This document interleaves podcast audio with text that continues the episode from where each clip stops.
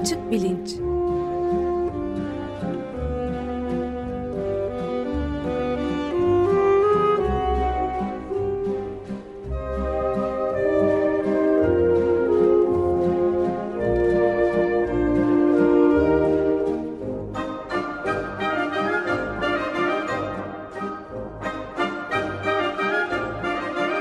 Güven Güzeldere ile bilim ve felsefe sohbetleri. Merhabalar Güven Bey. Günaydın. Günaydın Ömer Bey. Günaydın. Günaydın Özdeş.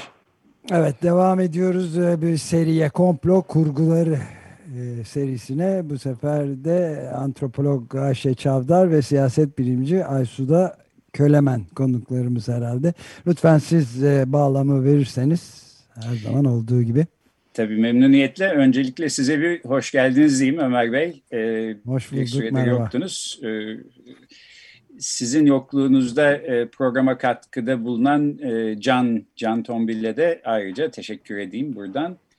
E, Can'ın önerdiği bir kitap vardı, Komplo Teorileri diye Kerem Karaosmanoğlu'nun bir aksilik olmazsa gelecek haftada Kerem Karaosmanoğlu e, konuk olacak. Belki Can da o programa katılır konuk programcı olarak.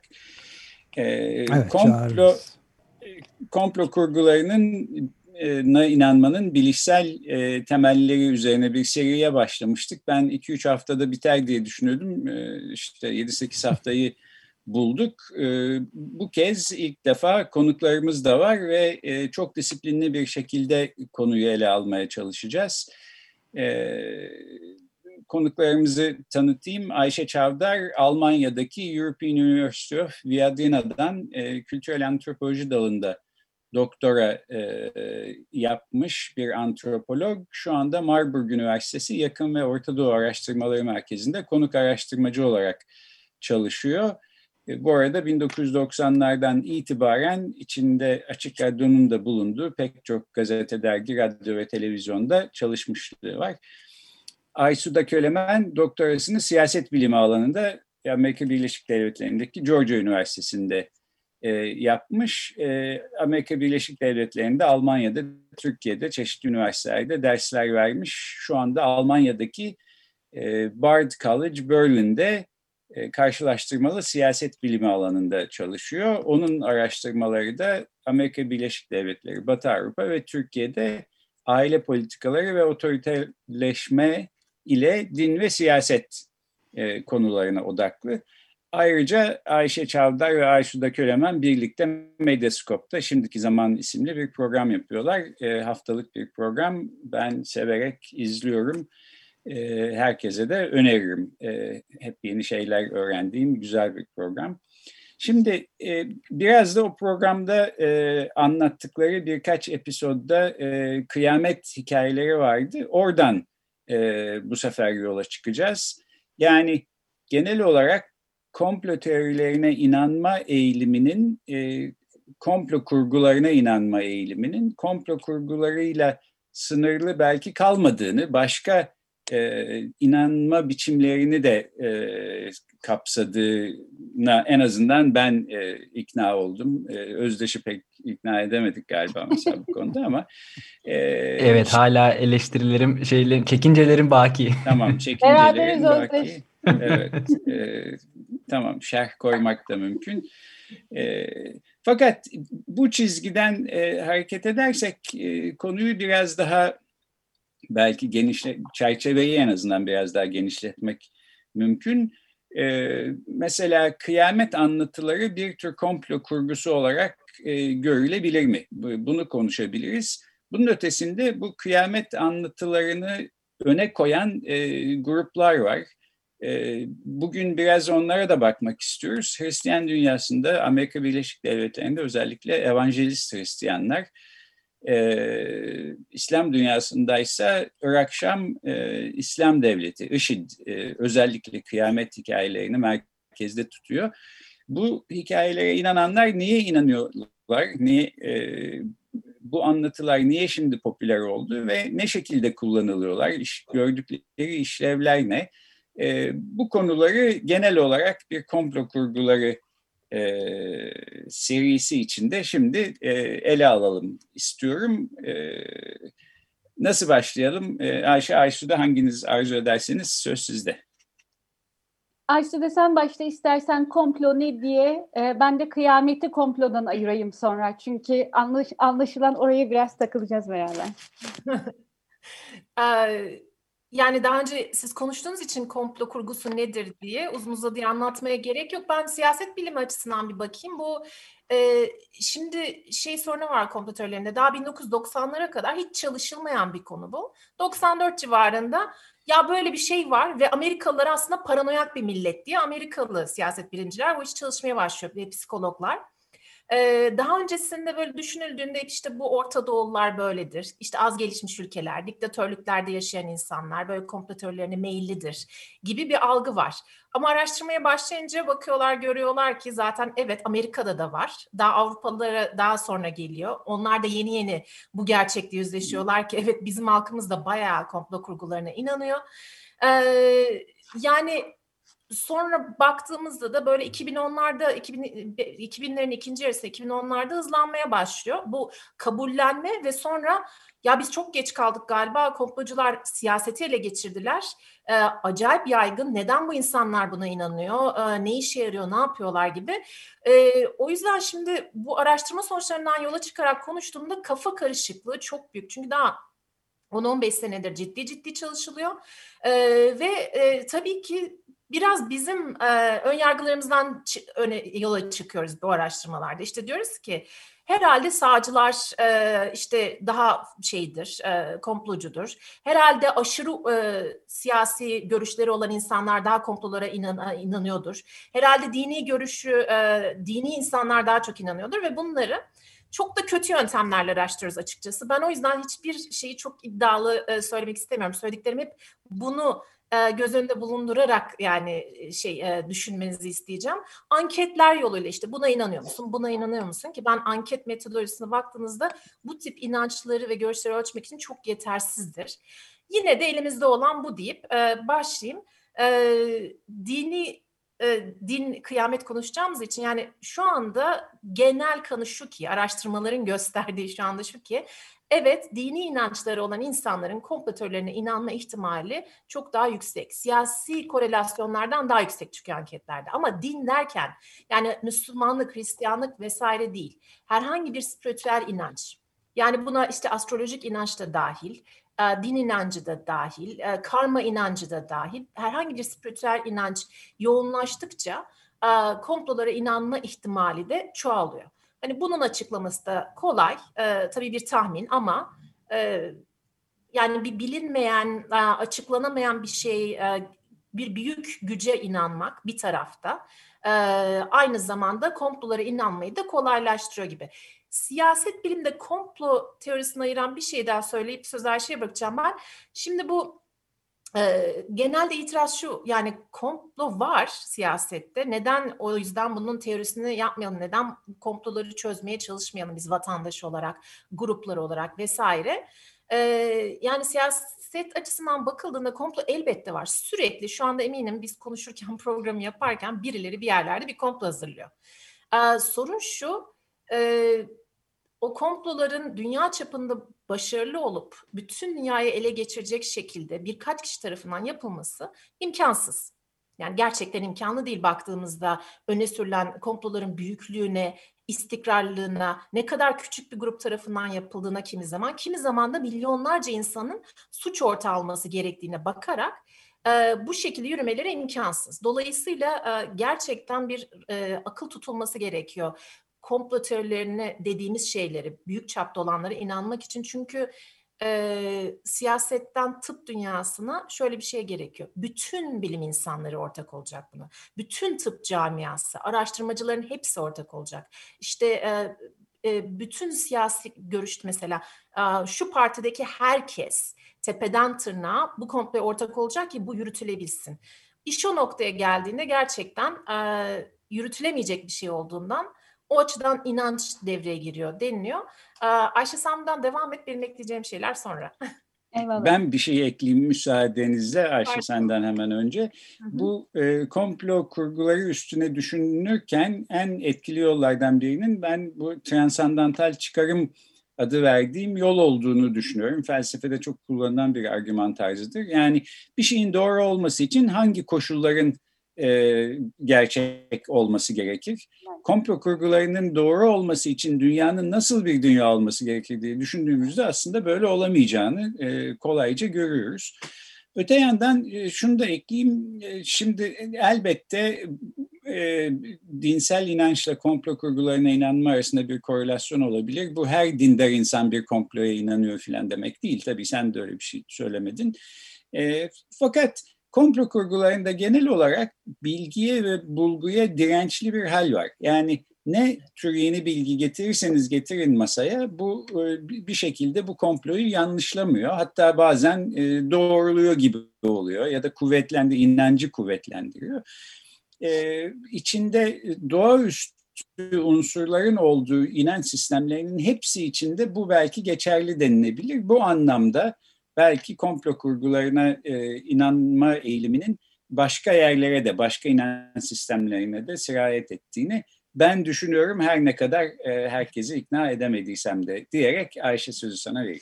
Buraya kadar hem fikrim. Ben yalnızca kıyametin bir kompl kıyametle komplo teorilerinin aynı yere konması fikrine e, azıcık karşı çıkacağım.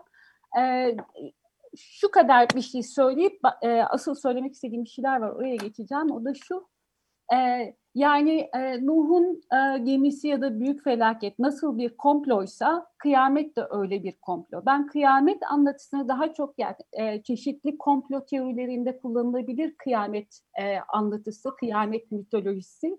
Ama kıyametin bir komplo olduğunu değil, bir tür kolektif e, arayış, ko- kolektif ihtiyaç olduğunu e, düşünüyorum. Şimdi onun sebebini söylemeye çalışacağım. Yani kıyametin bir arketip olduğunu düşünüyorum e, evrensel bir arketip neredeyse öyle bir şey olduğunu düşünüyorum. Niye söylüyorum bunu? Çünkü birbirinden bağımsız birçok coğrafyada birbirine e, benzer benzemez birçok kıyamet anlatısı var. Ve bunların ne zamanlarda ortaya çıktıklarına ve ne söylediklerine tam olarak baktığımız zaman arketip olmasının bir şeysi bir e, sonucu da bu ya da onu arke, kıyamet arketip yapan şeylerden bir tanesi de bu e, değişmez bir şey var içinde. Bir tür bir çekirdek var. O da bir yıkımı ve bir yeniden doğumu işaret ediyor olması. Bunun neye tekabül ettiğini söyleyeceğim ama inanmakla ilgili bir şey söyleyeceğim. Çok güzel söyledi Aysu onu. Siz de e, siz de vurguladınız dini inançları olanların komplolara, komplolara inanma ihtimali e, diğerlerine oranla bu, tür inançları güçlü olmayanlara oranla biraz daha yüksek olabilir. Çünkü inanma kasıt diye bir şey var galiba. E, ve inanmak e, inanmak e, enteresan bir e, edim diyeceğim. Edim gerçekten çünkü hiç pasif bir şey değil. İnandığımız şeyi e, inandığımız şeyi mesela Tanrı fikrini diyeyim, Tanrı düşüncesine, Tanrı ideasını e, inandığımız şeyin şekillenmesinde ona inanarak e, rol alıyoruz, etkin oluyoruz. Dolayısıyla inanmak umut veren bir şey, inanmak bizi aktive eden bir şey. Üstelik fiziki olarak, fizikin kurallarıyla e, etkin olabildiğimiz, dünyanın ötesinde ve onu aşan e, bir aktiviteye bizi taşıyan bir şey inanmak. Dolayısıyla bu yüzden inanmak bir güç gerçekten. Ondan vazgeçmek dediniz ya hani e, bilgi, belge, döküman, işte araştırma koyuyorsun karşısına ama vazgeçmiyor bir şeye inanan e, diye. Bundan vazgeçmek o kadar kolay değil çünkü inanmak aslında iradi olarak seçtiğimiz bir şey. Bu biliyorum genel olarak hani dinler ve inançlarla ilgili vesaire falan söylenen bir sürü şeye ters düşüyor. Ama bir taraftan da benim e, derdim inanan e, insanı anlamaya çalışmak. Niye bu kadar tut mesela inanmakla tutku çok yan yana geliyor. Niye bu kadar tutku, neye bu kadar tutku duyuyor? Niye bu kadar tutkuyla bağlanıyor? Aslında kendi iradesine çünkü herkesin yapabileceğinden e, sıradan insanların olabileceğinden, inanmayanların olduğundan fazladan bir şey yapmış oluyor fiziki olarak yaptığından bahsetmiyorum ama o yapma halinin e, tatminini yaşıyor. İnanmak hakikaten. O yüzden inanma kası dediğimiz kas bir güçlenmeye başladı mı hakikaten. Çok şey ve bilginin aksine çünkü bilgi de biliriz. E, aralarındaki ilişkiyi de şöyle söyleyeyim. Yani yöntem olarak birbirlerine çok e, zıtlar e, ve ya bilmek edimiyle inanmak edimi yöntem olarak birbirine zıtlar. Çünkü bil, e, bildiğimiz şeyi biz yapmıyoruz. Araştırıyoruz ve öğreniyoruz o ayrı ama bilgi orada duruyor. Dolayısıyla onu onun aktif şeysi biz değiliz. Biz öğrenici olarak e, orada irade sahibiz. İnanmak da öyle değil. İnanıyoruz ve Allah'a yapıyoruz. İnanıyoruz ve şeytanı yapıyoruz. İnanıyoruz ve kıyameti koparıyoruz ve bunlar çok büyük şeyler. Dolayısıyla işe buradan bakalım. Şimdi oradan hikaye... Ha, Ama şeyde, bir şey ekleyebilir miyim hemen? Tamam, tabii tabii e, bildiğimiz şeylere inanma ihtiyacı duymayız. O yüzden inandığımız şeylerle ilgili bilgi önümüze getirildiği zaman e, direniriz. Çünkü bildiğimiz her şey inancımızın alanını daraltır. Aralarında da böyle bir kavga var içsel olarak. Dolayısıyla e, inanma yani inanma hali e, cidden e, şeye ihtiyaç duyulur. Hani insanın kendi dışında çıkıp bildiklerine ve inandıklarına bakma ihtiyacı. Bu da iyi bir eğitim demek esasında, iyi bir öz düşünün e, şeysi e, alışkanlığı geliştirmek demek o kadar kolay bir şey değil. Tamam ben. Tamam bunlara katılıyorum. Çok da uzatmak istemiyorum. Yalnız e, inancın iç dinamikleri son derece ilginç. Bu bu konuda bir şey e, ekleyecektim. Tabii. E, yani bizim irademize tabi bir şekilde inanç fakat Hı. tamamıyla da öyle değil. Hepsini kontrol edemiyoruz. Yani şimdi bir örnek vereyim diyelim ben Özdeş'e desem ki Özdeş sen ben ne söylüyorsam e, bir şekilde Özdeş ben ne söylüyorsam buna inanmaya kararlı. Benim doğru söylediğimi biliyor. Hatta bu söylediğim şeylere inanırsa mesela hayatı kurtulacak filan böyle. Bütün bunları kabul edelim, varsayalım. Hı Diyorum ki e, Özdeş insanlık için en e, hayırlı olan ekonomik sistem kapitalizmdir. Buna inanırsan hayatın kurtulacak. Üç dakikan var hadi inan. E, şimdi inanabilir misin? inanamazsın. Yani belki tamam inandım dersin hayatını kurtarmak için buna böyle olacağını düşünüyorsan filan. Fakat bir iç dinamik sonucunda bu inancın e, orada yer etmesi lazım. Hiçbir zaman etmeyebilir ya da belli bir süre gerekebilir. Sen bunu iraden yani bir tek böyle kasını zorlayarak hemen bir dakikada e, yapamıyorsun. Bu da bence inancı özellikle ilginç kılan noktalardan bir tanesi. Bir, bir tek Bu inancı kültürel kılan e, şeylerden bir tanesi. İnanç evet.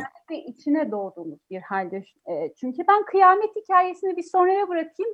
E, Aysu'ya vereyim çünkü inanmakla ilgili hikayeyi biraz uzattım. Kıyameti sonraya bırakayım. Kıyametin hangi ihtiyaçlara binaen e, ortaya çıkmış bir arketip olduğunu söyleyeceğim. Tamam. Şimdi bu dedikleriniz aslında şey dinle e, yani dini inançla ve genel anlamda dini inançla spiritüeli de kapsayan e, şeylerin ortak özelliği, komploların ortak özelliği monolojik olmaları. Yani bağlamdan bağımsız bir şekilde sadece kendi iç mantığına bağlı. Yani o komplo sadece kendi iç mantığı içinde değerlendiriliyor. Bağlamı uyuyor mu? Acaba mesela Covid çıktı nasıl çıktı? İşte dış güçler Çin'deki veya Amerika'daki birileri bunu çıkarttı, insanlığa yaydı. Şimdi bunu e, süreç halinde böyle bir illiyet e, bağ kurarak e, şey yaptığınızda ortaya hadi bir grafik yapalım nasıl oldu bu iş dediğinizde anında çöken bir şey bu teori.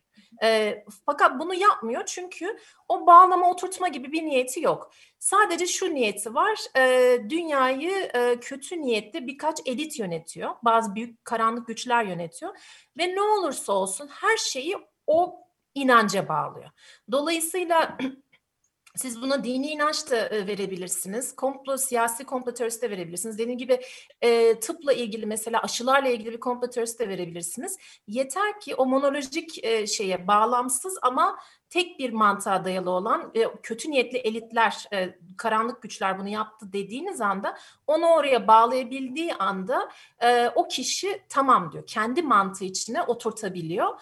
E, ve o nedenle de birbiriyle zıt her şeyi e, aynı anda inanabiliyor. Yani bir saniye şunu söylüyor, beş saniye sonra zıttı bir şey söylüyor. E, çünkü hiçbir şekilde bağlamla ilişkilendirmek gibi niyeti yok. Zaten genel olarak insan e, yani bilişsel çalışmaların gösterdiği sorun da bu ya, ya genel olarak biz şey yapamıyoruz, tutarlı değiliz inançlarımızda ve görüşlerimizde. Hiç kimse değil. Çok fazla tutarsız görüş, çünkü bilişsel şeyimiz, kapasitemiz yetmiyor buna, bilgimiz yetmiyor. Ama en azından bir çabamız var. Ve mesela ideolojiler aracılığıyla da bir tutarlık e, elde etmeye çalışıyoruz. Yani biz belki de kendi kendimize tutarlı bir dünya görüşü e, ortaya koyamıyoruz siyasi olarak en azından. Ama bir ideolojiye tutunduğumuzda o ideolojinin kendi içine tutarlı olduğuna inanıyoruz. Az çok. E, o da tartışılır ama kesinlikle hani bireyin kendi kendine türettiği şeyden e, daha tutarlı olma ihtimali yüksek. Şimdi bu kaygı e, ben şuna e, şey yapıyorum dinle benzettiğim ama henüz araştırılmamış bir şey. E, konuşuluyor ama araştırılmadı e, bu komplo teorileri artık bir şeyle geliyorlar, e, komüniteyle geliyorlar. Yani bir cemaatiyle geliyor. Ve bu cemaat duygusu komplo teorilerinin anlamda o kadar önemli bir hale geldi ki eskiden bu cemaatler e, gerçekten insanlar fiziksel olarak e, mesela şey gidiyordu e, Arizona'ya gidiyordu, çöle gidiyordu. Orada buluşan küçücük, çok uç insanlar evet uzaylılar ziyaret etti dünyayı ve Amerikan devleti bunu saklıyor diyordu ve dalga geçiliyordu onlarla. Çünkü toplasanız birkaç bin kişi bütün ülkede diye düşünülüyordu. Fiziksel olarak bir araya gelebilen daha da az. Ee, ve hayatını buna adaması gerekiyor. Yani işinden gücünden e, zaman ayırıp belki onları bırakıp bu işe kendi vakfetmesi gerekiyordu. Şu anda internet e, online çevrim içi e, cemaatler yarattı ve hiçbir şekilde hayatınızdan ödün vermeden bu cemaatlere katılabiliyorsunuz.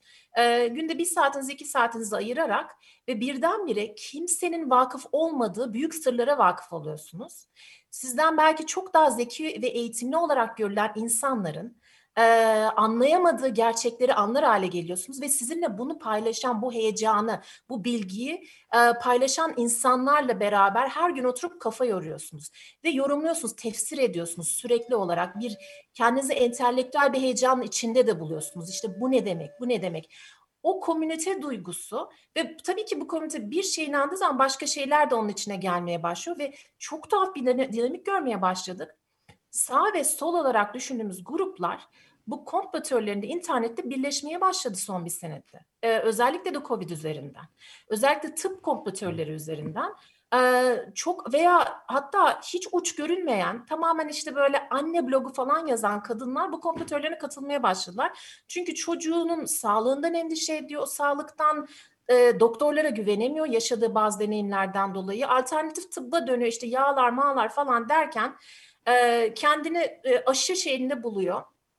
Yani binlerce kere artık çürütülmüş tezlerin içinde fakat o monolojik dediğim şey internette öyle bir şey yaratılmış ki şu anda bir makaleden bir makaleye bir siteden bir siteye gidiyorsunuz ve bir kere bile aşıların nasıl e, aşı hakkındaki komplo çürütüldüğünü e, gösteren tek bir yazıya rastlamadan sadece o yazılardan bahsederek onları çürüten yazılar içinde hayatınızı geçirebilirsiniz. Bu da çok e, şey özelliğidir, kalt yani yine dini bir özellik. Yani durmadan kendi kendine referans veren bir literatür var orada. Dışarıya referans vermiyor. Bahsediyor ama referans vermiyor. Sizi oraya yönlendirmiyor.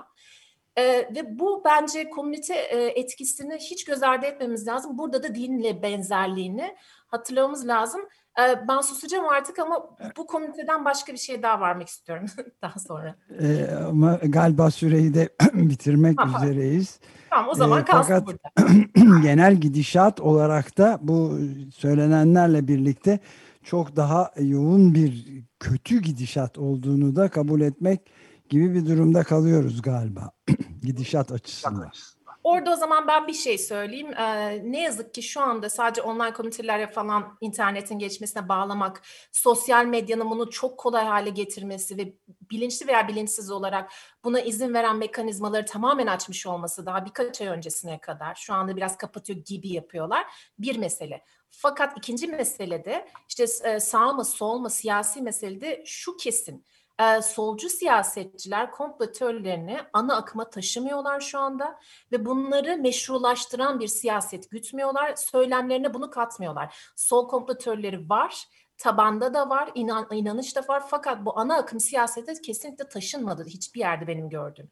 Fakat pek çok ülkede şu anda sağ özellikle popülist dediğimiz otoriter e, siyasi hareketler ana akıma taşıdılar bunları e, ve tabanla bir e, diyalog halindeler bu kompletörler üzerinden. Hem onları besliyorlar hem onları alıp yaygınlaştırıyorlar ve ima bazen de gittikçe açık açık e, onlara referans vererek siyasetlerini bu kompletörlerin üzerine kuruyorlar ve kendi meşruiyetlerini bu kompletörlerin üzerine kuruyorlar.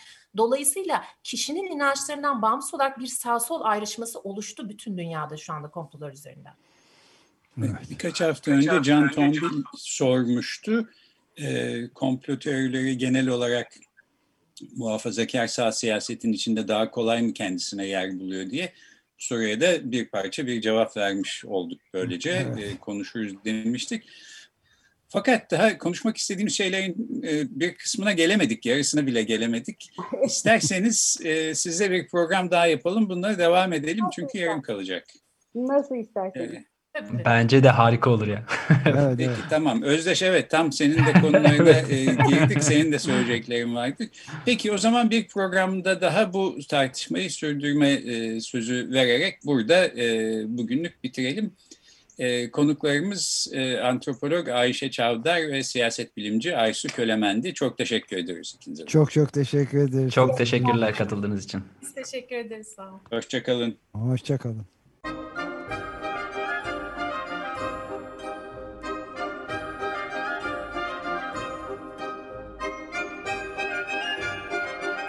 Açık Bilinç